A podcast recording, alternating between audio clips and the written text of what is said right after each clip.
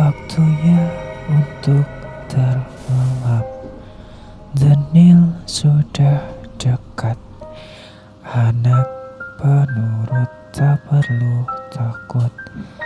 Sekarang tutup mata kirimu Lalu yang kanan. Dan saatnya ucapkan selamat malam Lagu tersebut adalah lagu pengantar tidur yang selalu dinyanyikan oleh ibuku. Aku tak pernah memikirkan tentang makna lagu itu hingga aku berumur 9 tahun.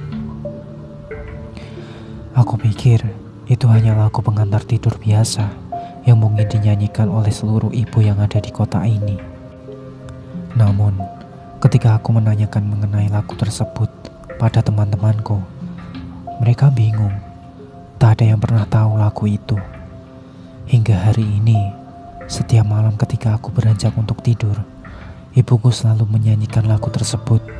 Aku selalu mengikuti apa yang ada di liriknya, menutup mata kiriku, kemudian mata kananku, lalu mencoba untuk terlelap. Namun, hari ini berbeda. Aku memutuskan untuk membaliknya. Aku hanya iseng saja. Sumpah. Aku tidak mengharapkan apa pun terjadi. Itu murni hanya karena rasa ingin tahu seorang bocah kelas 3 SD. Pertama, ketika ibuku menyanyikannya, aku mengikuti liriknya. Kemudian, setelah ibuku meninggalkan kamarku, aku langsung membuka mataku. Kemudian kali ini, aku menutup mata kananku terlebih dahulu, lalu baru yang kiri. Lalu saat aku membuka mata lagi, Aku melihat seseorang, atau apakah itu sesuatu, berdiri di tengah-tengah cahaya remang yang masuk melewati jendela kamarku. Aku melihat sesosok pria berdiri di pojok ruanganku. Ia berdiri membelakangiku. Kupikir ketika aku menutup dan membuka mataku lagi, orang itu akan membalik badannya. Namun, ia menghilang. Aku masih ingat pikiranku sangat kacau waktu itu. Aku berpikir, Apakah itu hanya imajinasiku saja? Tapi bagaimana jika itu nyata? Bagaimana jika memang ada seseorang di sana? Dan hanya bisa kulihat jika aku menutup mata kananku terlebih dahulu. Aku tak pernah melihat ia sebelumnya karena sepertinya ia tidak mengganggu. Atau apa mungkin ia tidak berbahaya? Tapi aku tetap takut kalau ia akan menyakitiku. Meskipun aku takut, namun rasa penasaranku saat itu mengalahkan rasa takutku. Jadi, aku mencoba menutup mata kananku kembali. Aku melihat ke pojok ruangan dan tidak ada siapa-siapa di sana.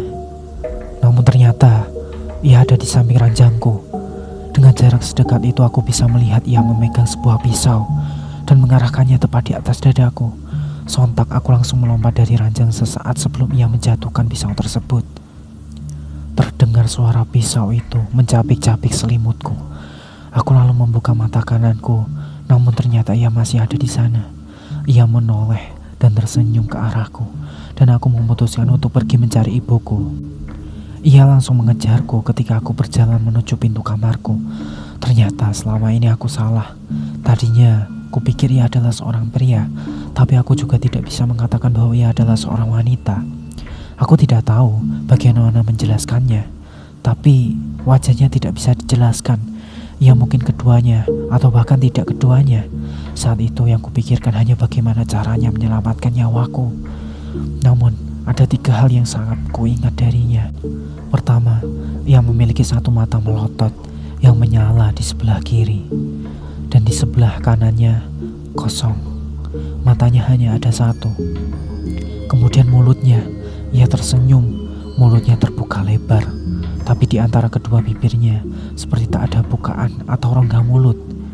Ia juga tak memiliki gigi.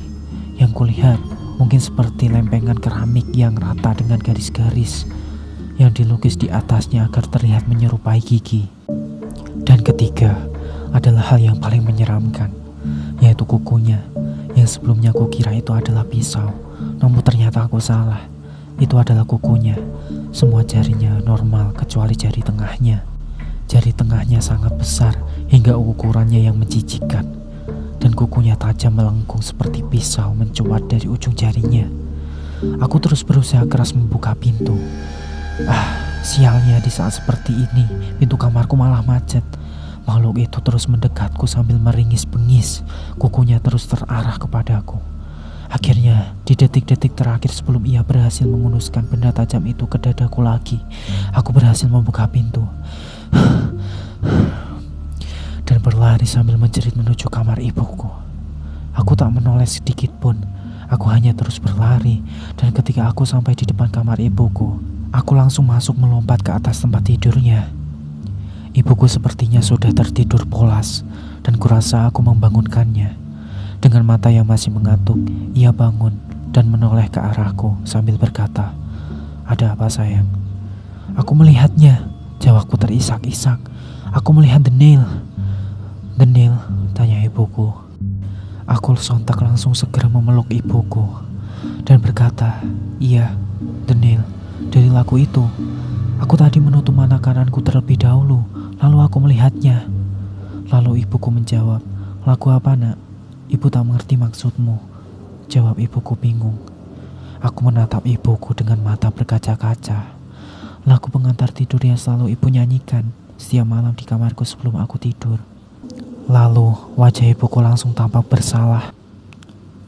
Lalu ibu berkata, Nak, maafkan ibu. Aku tahu ibu salah. Selalu pulang larut malam sehingga agak mengabaikanmu.